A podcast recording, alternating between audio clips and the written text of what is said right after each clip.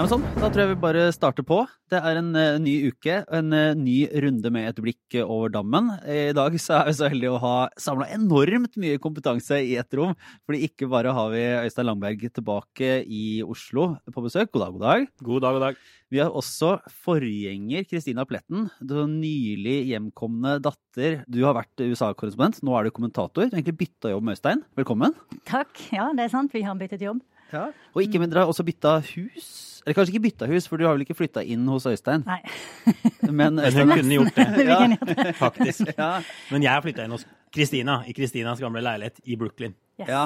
Går det bra? Har du, er det noen ting du tar et oppgjør med som sånn tidligere beboer? Nei, det er en aldeles nydelig leilighet. Det gjort, gjorde det ekstremt enkelt for meg å flytte. Jeg hadde bare med noen kofferter, så jeg slapp å ha med sofa, seng, Du har, bestikk. har du hørt at Øystein har og solgt unna tingene dine på, eh, på Craigslist? ja. Jeg har hørt rykter om at en sofa som har eh, forsvunnet ut, men det er nå for så vidt eh, hans eh, privilegium, da. Ja. Og så holder, har jeg fortsatt eh, TV-abonnementet, sånn at jeg kan nå snike meg til å se Premier League på meksikansk TV hjemme på Frogner. Eh, og det er veldig bra, for det at, eh, som Liverpool-fan så er jo dette en eh, strålende Det- mulighet. Ikke til å- Det må man få med seg. Det er jo ikke valgkamp eh, vi skal snakke om i dag, egentlig, men et litt sånn større tema som ligger til grunn for mye av det som foregår av debatt i USA om dagen, og har gjort det lenge, nemlig altså helsepolitikk og det amerikanske helsevesenet. Som det jo er mange, mange debatter om, og som har vært et sentralt sånn skillelinjetema. Både mellom republikanere og demokrater, og innad blant demokratene. Men vi må jo si litt først. Da er det norske helsevesenet i all hovedsak er offentlig, så er det amerikanske i hovedsak privat. Det finnes jo noen offentlige institusjoner, sånn som Medicare, Medicaid, som vi stadig, stadig hører om. Jeg tror det er noe sånn som halvparten av amerikanere har privat helseforsikring. Så det er jo svært utbredt. Og det har jo vi også, når vi er der borte som, som korrespondenter. Og det er jo en ganske stor overgang å begynne å sette seg inn i. Og i, og i januar så måtte jeg sette meg inn i det, for jeg måtte en tur til legen. For alt var ikke helt, helt som det skulle. Og det er en sånn, det er en skikkelig bøyg eh, å begynne å tråle gjennom systemet og skjønne hvor, hvordan skal man finne seg en lege, og alle de tingene. Hva er dekket, hva er ikke dekket? Det er masse sånne spørsmål. Fordi i, i Norge så finner du ut hva hvem var det som var fastlege igjen. Jo, eh, denne personen her, møte opp, betaler 135 kroner eller 300 kroner eller hva det måtte være i etterkant. Ja. Litt flere operasjoner i USA. Absolutt. Noe av det vanskeligste, eller noe av det kjipeste med helsesystemet i USA, er jo det spørsmålet om, om hva som er dekket, og hva som ikke er dekket. Og hva noe kommer til å koste, og hva som da er inkludert. Jeg befant meg, jeg skal ikke gå gjennom hele min helsehistorikk i denne podkasten, men jeg befant meg på et tidspunkt for noen uker siden i en ambulanse mellom en sånn slags legevakt og en annen, relativt udramatisk. Men da lå jeg og tenkte, jeg hadde jo ikke rukket å ringe forsikringsselskapet og spørre er dette dekket på forhånd, for man drar jo ned dit fordi det er noe som haster. Eh, Og da er det sånn spørsmålet, går taksameteret nå? Kommer det en megaregning i posten på dette senere? Eller gjør det det ikke? Jeg har jo sett i postkassa i leiligheten i Brooklyn at Kristina også får noen regninger fra, fra diverse sånne sykehus i ny og ne. Uh, ja. Ja, jeg måtte jo ringe noe for noen uker siden, for at jeg drev og fikk regninger for noe som de hadde sagt var dekket, da. Og når jeg ringte, så sa de sånn Ja, nei, dette var bare kodet feil, og det var, det skulle ikke hatt disse regningene på liksom 5000 kroner. Men jeg kunne jo godt ha funnet på og betalte de da, hvis jeg var en litt mer ordentlig person. Så, Ja, hvis, ikke, hvis ikke hadde, hvis ikke hadde blitt liggende i en skuff. Ja. alle regningene lille.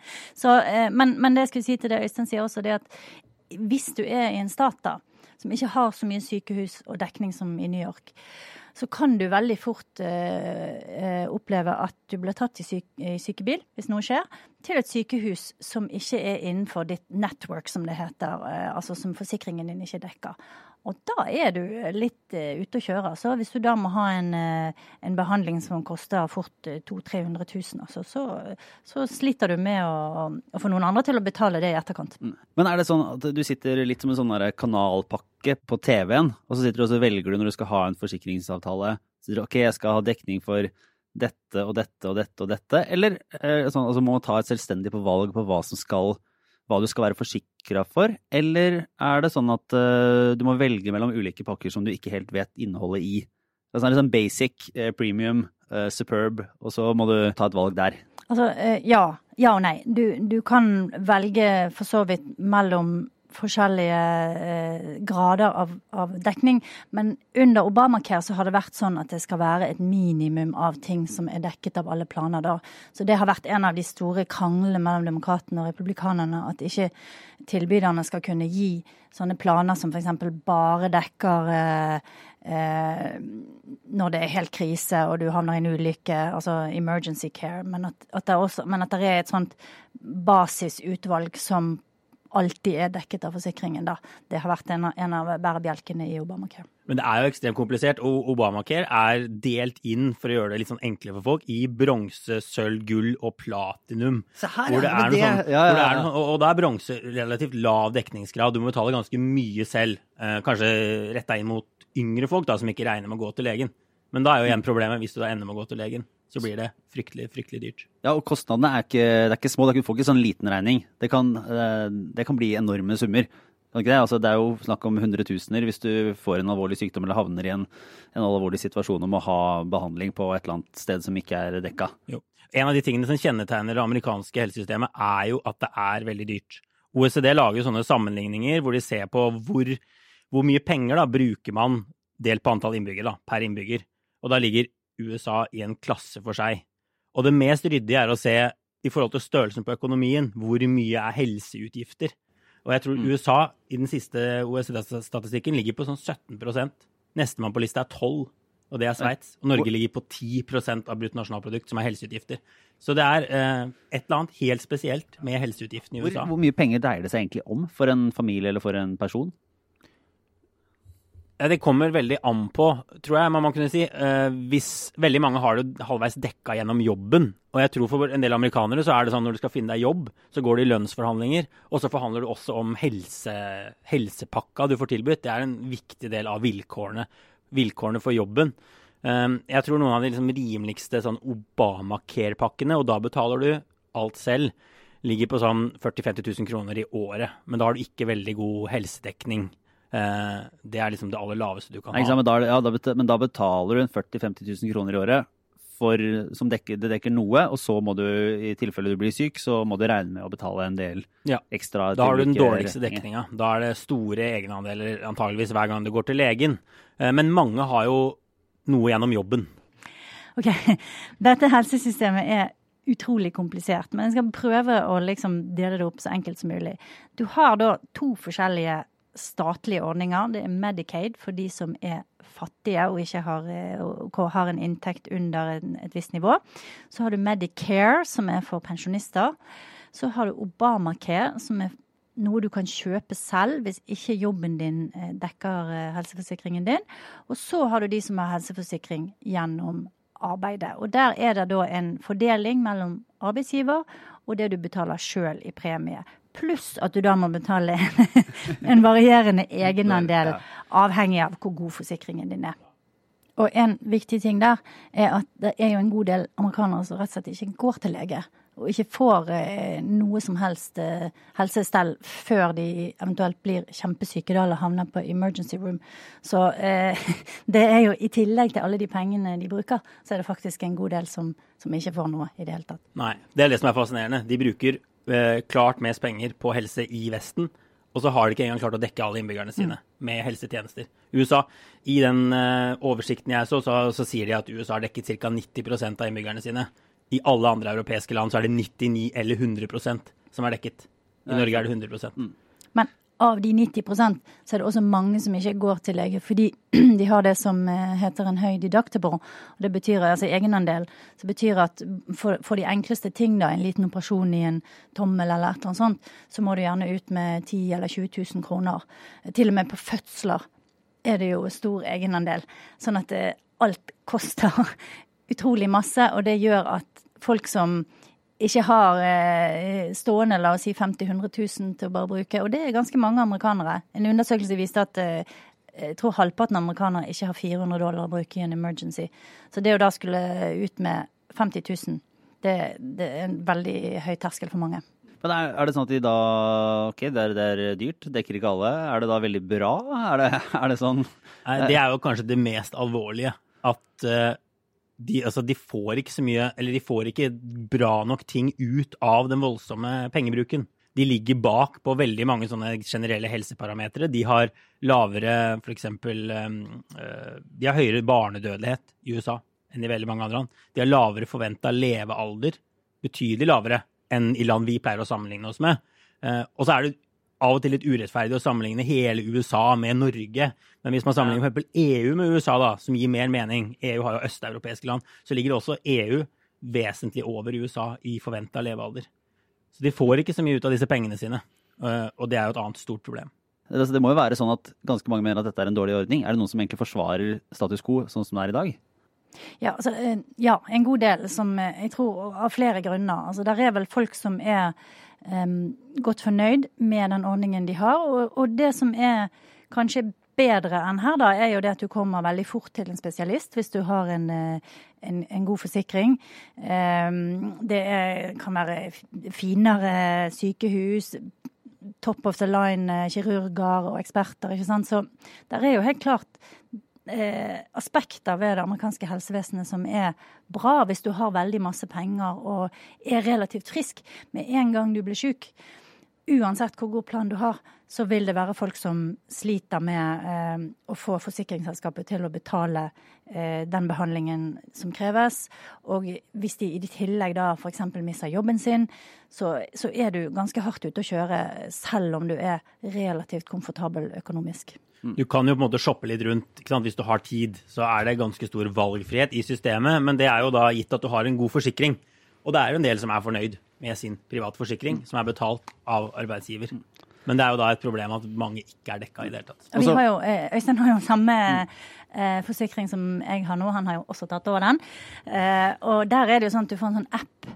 Så med en gang du har tatt en blodprøve, f.eks., så kan du gå inn på appen, og så får du opp alle resultatene fra blodprøven din på appen, da.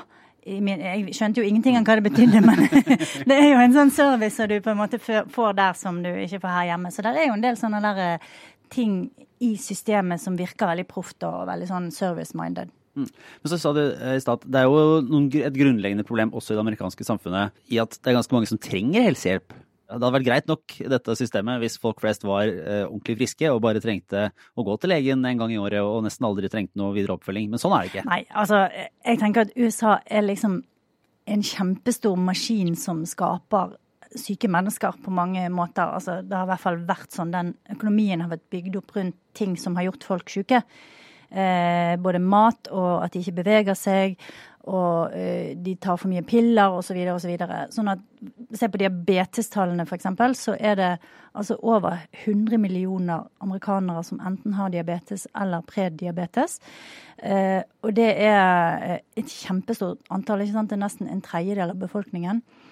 Eh, og der, blant de så er det mange som ikke engang vet at de har det, eller ikke har fått diagnose, eller ikke har orket å gå, eller råd til å gå til lege og dermed ikke får noe behandling. Så der er utrolig store helseutfordringer i befolkningen, som selvfølgelig gjør det at de har et eh, mangelfullt helsesystem enda mer alvorlig. I Norge så er jo den verste politiske jobben du kan ha, stort sett, er å være helseminister.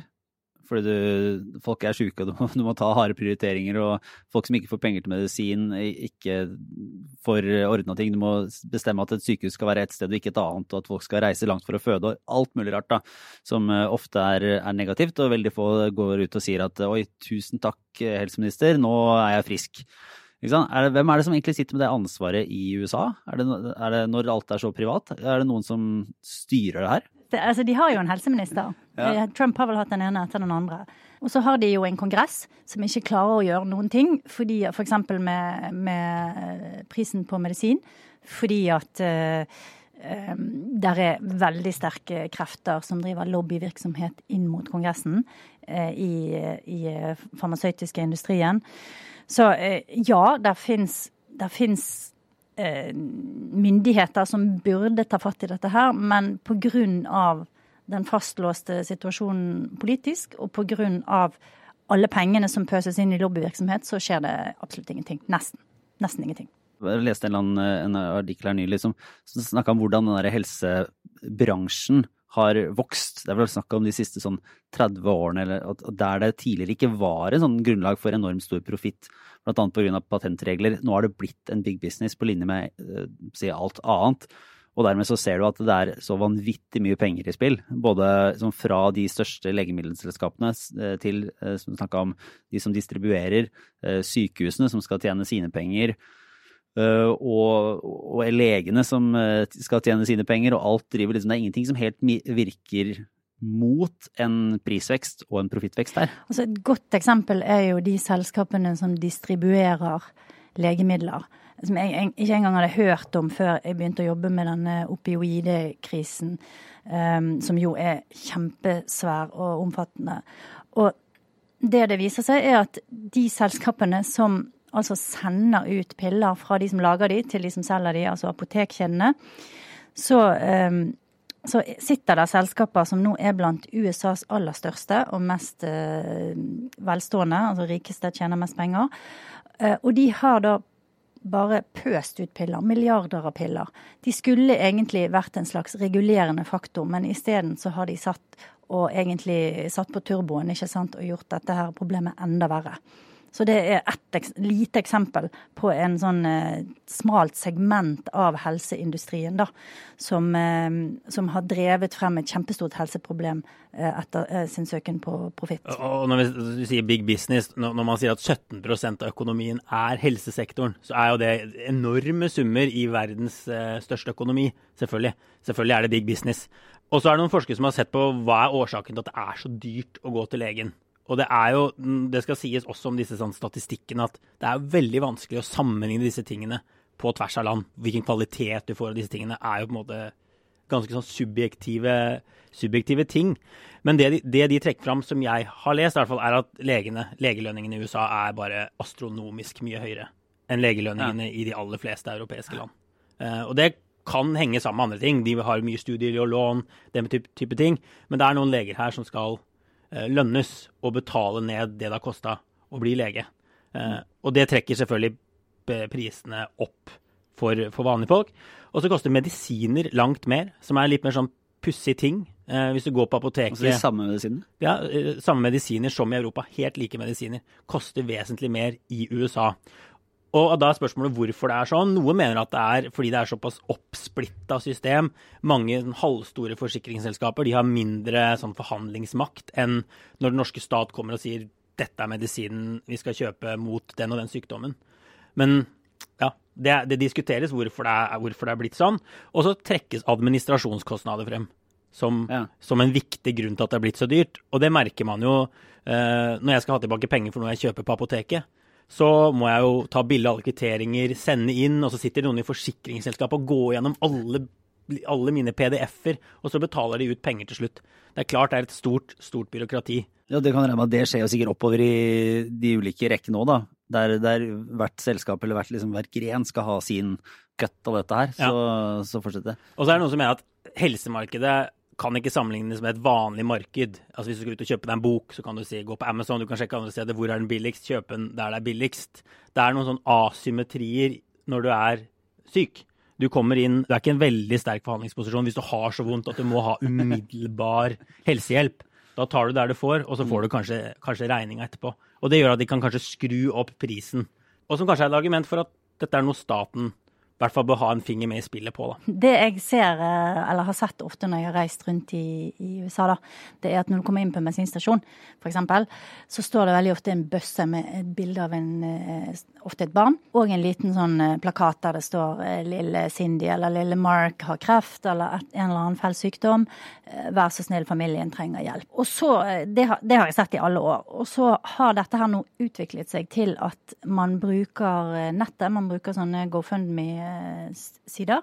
Der folk rett og slett legger ut bilder og en liten historie, uh, trist historie om en, en, barn eller en voksen som er syk, og så ber de om penger. Til, ikke, og ikke bare til behandling, da, men også til levekostnader, transportkostnader. ikke sant? Hvis du skal reise til et sykehus, så må du gjerne uh, ha bensin, og du må ha hotellkostnader. Så, så, det er rett og slett en slags blitt institusjonalisert, denne her eh, tiggingen etter penger som syke folk må gjøre. Og det er jo forferdelig trist og, og egentlig sånn skammelig for, eh, for et, et, land som USA, da. Det har jeg lov å mene nå, for nå er jeg blitt kommentator. Men det, det, er jo, det, er jo, denne sånn, dysfunksjonaliteten som det da er en politisk strid om, og som som man nå ser på demokratisk side i primærvalgkampen, at eh, det er ulike løsninger på dette. Der ser man jo eh, alt fra altså Bernie Sanders, da, som er en selverklært sosialist, vil jo ha, måte vil gå lengst vil han ikke det, i å ha en mer eller mindre sånn statlig hel, altså et statlig helsevesen av en europeisk modell. Ja. Og uh, Elizabeth Warren har gått inn for på en måte det, mer eller mindre det samme, men har vært litt mer nyansert i, i hvordan hun skal betale for dette. og Det har jo vært, vært pekt på som en av grunnene til at hennes valgkamp har gått litt av skinnene. Mens eh, Joe Biden vel, og til dels Pete Buttigieg er på mer en sånn fortsettelse av Obamacare-varianten. Hvis dere kan bare gå kjapt litt gjennom her hva, hvordan dette skiller seg fra, fra hverandre. Altså, Sanders plan heter jo Medicare for all. Og Medicare er den ordningen som amerikanske pensjonister har, og som alle egentlig er ganske fornøyd med, da, og den er statlig. Og det Sanders vil, er å utvide den ordningen til å gjelde alle. Men et veldig viktig poeng er at han også vil rett og slett forby privat helseforsikring. Det har man jo eh, I Norge har man jo faktisk eh, privat helseforsikring hvis man vil. Eh, og det er jo eh, et veldig sånn radikalt steg, da. Altså han vil på en måte ta hele markedselementet ut av eh, helsebusinessen. Det er, altså, Sanders sitt, sitt forslag er, vil innebære man kunne si, enorme endringer for den gigantiske helsesektoren i USA. Du sier forsikring, det er det jo nesten ingen land i Europa som har gjort, bare forby eh, private forsikringer. Men Sanders mener at man må gå så hardt til verks for på en måte å bryte ned de, de enorme kostnadene, eh, de negative trendene som er i helsesystemet. Men det vil jo bl.a. innebære sannsynligvis at legene må belage seg på store kutt i lønningene. ikke sant? De har ikke mange som konkurrerer om arbeidskraften lenger, de har staten. Det er der du kan jobbe. Alt annet er forbudt. Det har vært så mye bråk i Norge om å legge ned den der pelsdyrnæringa. Ja. Det er sånn, her er det, det er liksom 200 pelsdyrbønder som skal få Her sitter hele regjeringa og, og, halve Stortinget og krangler om hvordan de skal løse dette her med kompensasjon og diverse. Og så foreslår man å radikalt endre et system som da er 17% av, av den amerikanske økonomien. Hvordan Går det an? Altså, For det første så har jo amerikanerne mye mindre tillit til staten enn det vi nordmenn har. Så det er nå bare ett element av det. Et annet er hva skjer når du plutselig fjerner en så stor del av markedsøkonomien fra markedet? Hva skjer med resten av økonomien? Ikke sant?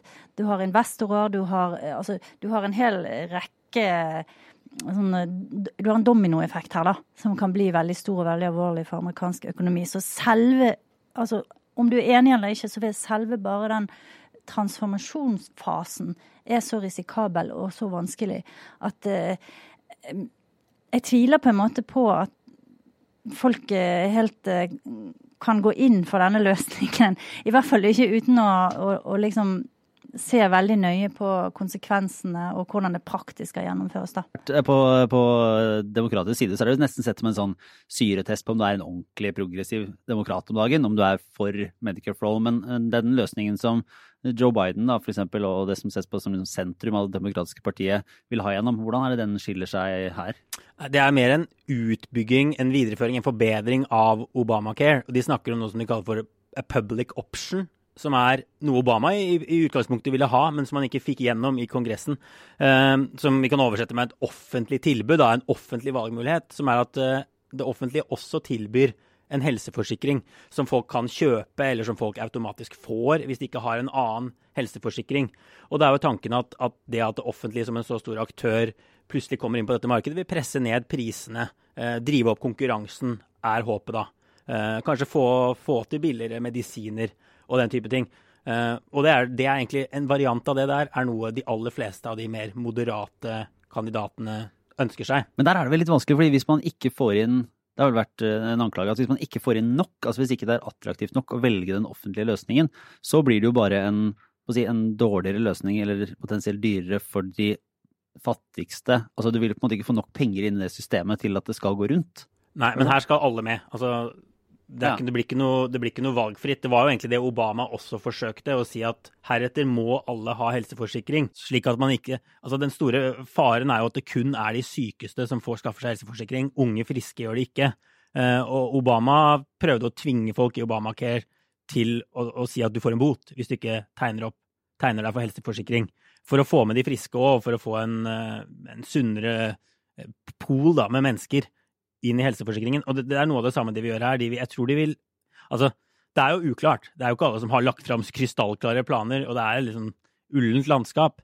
Men det virker som mange ønsker å si at nå tar vi og får resten av amerikanerne inn i et helsesystem, i et offentlig helsesystem. Problemet med den boten som, som, Obama innførte, var jo at det var en del mennesker som måtte betale den og ikke fikk noen ting igjen. Eh, jeg, jeg traff på en sånn familie i Michigan, f.eks., der eh, sønnen deres eh, var kronisk syk. Hadde ikke noe særlig inntekt, men ble da måtte da betale denne boten som, eh, fordi at han ikke hadde helseforsikring. ikke sant? Og så får du ingenting igjen for det. Og det er klart at det er politisk veldig lite smart, da. Men så ser du, eh, Demokratene i, i kongressvalget i 2018 mobiliserte jo på å beholde eh, liksom en slags Obamacare, eller hva man skal, hva man skal kalle det, som, som, står igjen. Og republikanerne sa i utgangspunktet at de skulle fjerne det men klarte ikke å få det gjennom, da, fordi John McCain sa jo si nei til Donald Trumps planer der. Men er det sånn at republikanerne nå kommer til å gå til valg på å beholde dagens ordning og innføre en ny en, eller på en måte bare trusselen av demokratenes eh, potensielle endringer? Altså, det der er veldig komplisert, for det eh, det er deler av Obamacare som er veldig populære. F.eks. det som kalles for pre-existing conditions. Altså hvis du har en kronisk sykdom fra før, så skal ikke, um, så skal ikke forsikringsselskapet kunne nekte deg å tegne forsikring eller kjøre forsikringens pris så høyt opp at du ikke kan kjøpe den. Og det har uh, vært en sånn greie som Eh, Trump og republikanerne har sagt at det skal de holde på. Men samtidig så har de sagt at de skal fjerne hele rammeverket for, for eh, Obamacare, som jo, eh, som jo, egentlig er det som har sikret at man slipper å, å sitte uten helseforsikring hvis man er syk, da. Så jeg har liksom et inntrykk av at republikanerne har vært veldig sånn uh, av tvende sinn om dette her. Altså de Ideologisk sett så sier de at de er imot det, men i praksis så tror jeg det var mange republikanere som trakk et lettelsens sukk når de slapp å fjerne Obamacare. For det, det hadde nok ført til en ganske stor backlash, vil jeg tro, når folk hadde sett de praktiske konsekvensene av det. da. Ja, og Å forbedre helsesystemet er relativt populært. og Demokratene i mellomvalget i 2018 gjorde det ganske bra. Og der ble trukket fram som en, en grunn til at de gjorde det bra, at de gikk til valg på helse. Eh, forbedre mm. helsesystemet og, og, ja, og skjøv det foran seg som en, som en viktig politisk sak. Uh, og det vil de antageligvis til en viss grad forsøke til høsten også. Å snakke om helse og si at de skal utvide helse, helseordningene. Og så er det noe med at eh, Obamacare ble jo innført over flere år og var veldig stor og komplisert. Og i begynnelsen så møtte den veldig hard kritikk, og folk så ikke så mye til eh, oppsiden av det. ikke sant? De så gjerne litt her og der, men de kunne ikke se helheten av hva som var bra. Men så så man f.eks. da at barn Altså ikke, bar, ikke, barn, men barna dine kunne, kunne, sitte på forsikringen din eller være på forsikringen din frem til de ble 26 år. Det var flere sånne ting. Pre-existing conditions allerede nevnt. Det var flere ting som etter hvert ble, som forsikringen ble rullet ut, så så folk tydelig fordelen av det. Og så var det sånn at det var f.eks. meningsmålinger der de ble spurt sånn hva syns du om The Affordable Care Act, og hva syns du om Obamacare? Og så likte folk bedre The Affordable Care Act enn Obamacare. De visste ikke at det var det samme. Mm. Så det var også en, en stor grad av, av uh, uvitenhet da, om hva dette egentlig uh, innebar. Og jeg tror det er en stor grad av uvitenhet enda, og det er en del aktører som, som bevisst eh, sprer feilinformasjon. Så det er liksom Det, det er et veldig komplisert tema, og jeg tror at um, det er veldig vanskelig for republikanerne å navigere dette her på en god måte. Så det, det er veldig lett for at det blir en tapersak for dem.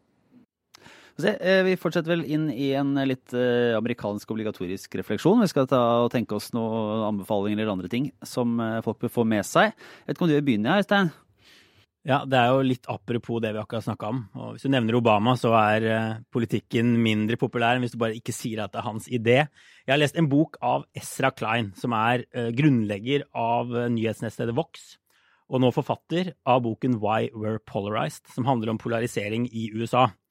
og jeg kan jo si at det kommer noen saker fremover, blant annet om det her, og jeg skal gå mer inn, inn på hva han skriver i boka. Men den er superinteressant på mange måter, og er en sterk anbefaling. Og i boka så nevner han et morsomt eksempel på uh, polarisering, hvor man først tar en gruppe amerikanere, måler mattenivået deres, og så gir man dem en sånn uh, hjernetrim-oppgave, bare helt strippet for politikk, og så ser man at de som er bedre i matte, de gjør det bedre på hjernetrim-oppgaven også. Og så introduserer man et lite politisk element i oppgaven. For eksempel så handler den om våpen og kriminalitet i stedet for noe helt, helt nøytralt tema.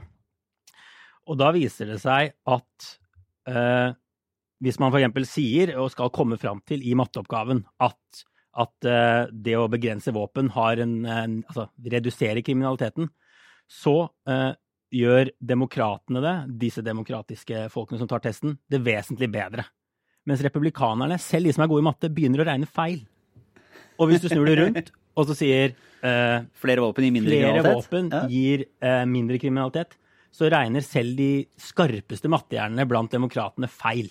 Så man tilpasser virkeligheten sin etter, eh, etter hvilket politisk synspunkt man har. Ja, og det er et fenomen som jeg mener å ha sett. Jeg har skrevet en del om brexit og sånn de senere årene, og der har jo Liv-kampanjen, de som vil ut, har EU, fått kritikk for å drive med fake news, eh, bare for å lyve hele tiden. Men også blant Remain-folk så ser man en tendens at de totalt kan miste hodet hvis det kommer et eller annet på Twitter eh, som de gjerne ikke sjekker så veldig godt, som bygger opp under deres egen, eh, egne meninger. Ja, når, du, når du finner noe de tror på, så er det bare ja, da deler vi. Ja, da er det bare rett på retweet. Eksempel, altså Jeg har ikke tall på hvor mange jeg har sett en sånn sammenligning av hvem som stemte Liv, og hvor det var kugalskap i Storbritannia. Som har gått sin seiersgang. Og professorer har brukt dette i, i presentasjoner og sånn jeg har vært på. Og når man ser på det bildet, så er det bare de som stemte Liv, og så har de sagt i svart-hvitt. Det er bare tull, alt sammen. Og mange ser jo på dette med en glimt i øyet. De vet at ikke kugalskap fører til livstemmer. Men, men de, de, de um, fremstiller likevel som at dette er liksom et faktum. Uh, og der burde man kanskje tenke seg om en gang til. Og det samme her om dagen så var det en, en fyr på Twitter, en brexit-mann, som var på Schiphol, uh, sto i en kø og skrev 'Dette var ikke den brexiten jeg stemte på'. Nå er ja, der så jeg. Time. Mm -hmm. uh, og da kaster jo også de som er for EU seg på og sier liksom, 'dumme fyr, nå får du endelig svi for konsekvensen av brexit'.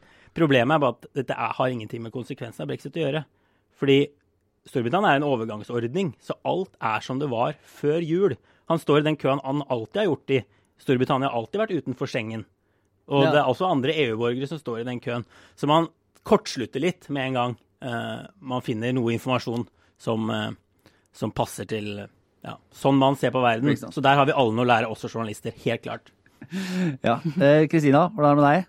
Jeg tenkte jeg skulle ta det fra, fra de store sammenhenger som Øystein snakker om, og helt ned på det veldig, til de veldig nære ting, da. Det er akkurat sånn det skal være. De ja. nære ting. Jeg skal altså til frisøren i dag, og har etter to år i USA fått utrolig mye grått hår. er det en sammenheng? Også, eh, ja, er det en sammenheng med dette her? Så har du sett disse her presidentene, eh, alle presidentene etter noen år, da, i Det hvite hus, så går de fra å se liksom ganske unge ut, og så ser de plutselig 20 år eldre ut. Det skjedde med Bush, det skjedde med Obama, det skjedde med Clinton.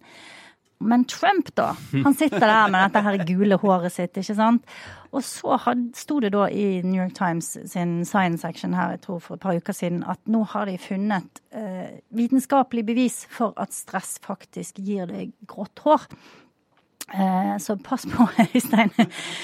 Og eh, det er forskere på Harvard da, som har gjort forsøk på mus, og det viser seg at det er stamceller i kroppen eller i hodebunnen, jeg vet ikke hvor de er, men et eller annet sted i kroppen, eh, som farger håret.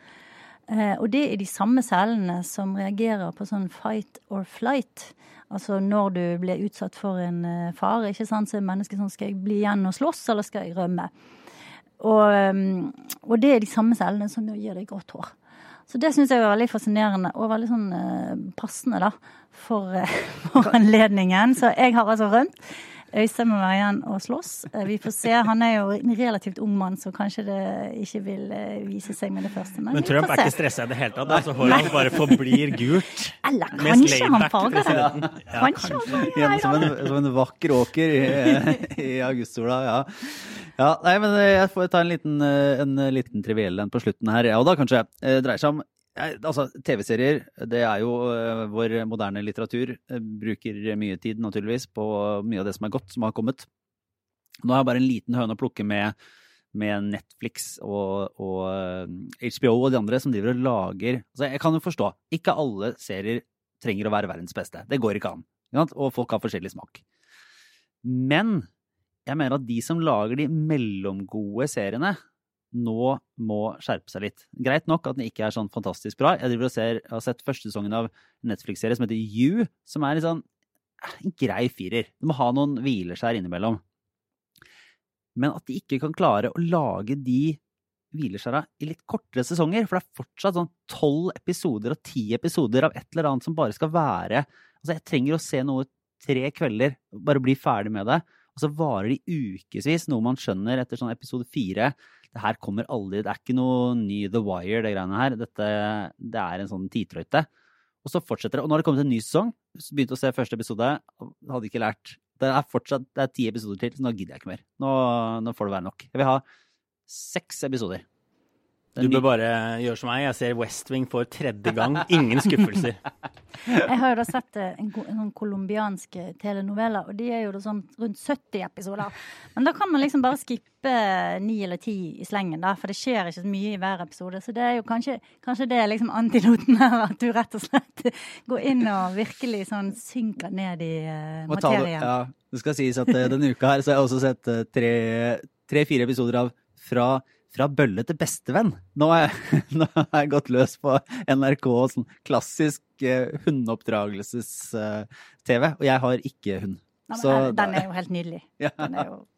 Du må jo bare like Anton, uh, den tjukkeste hunden i hele Norge, som nekter å reise seg. Dette går du glipp av når du bor borti i USA. ja, ja. Nei, men jeg tror vi takker for oss for denne gang. Takk, takk, Kristina Pletten, Øystein Langberg, jeg er Lars Glomnes. Ha det bra.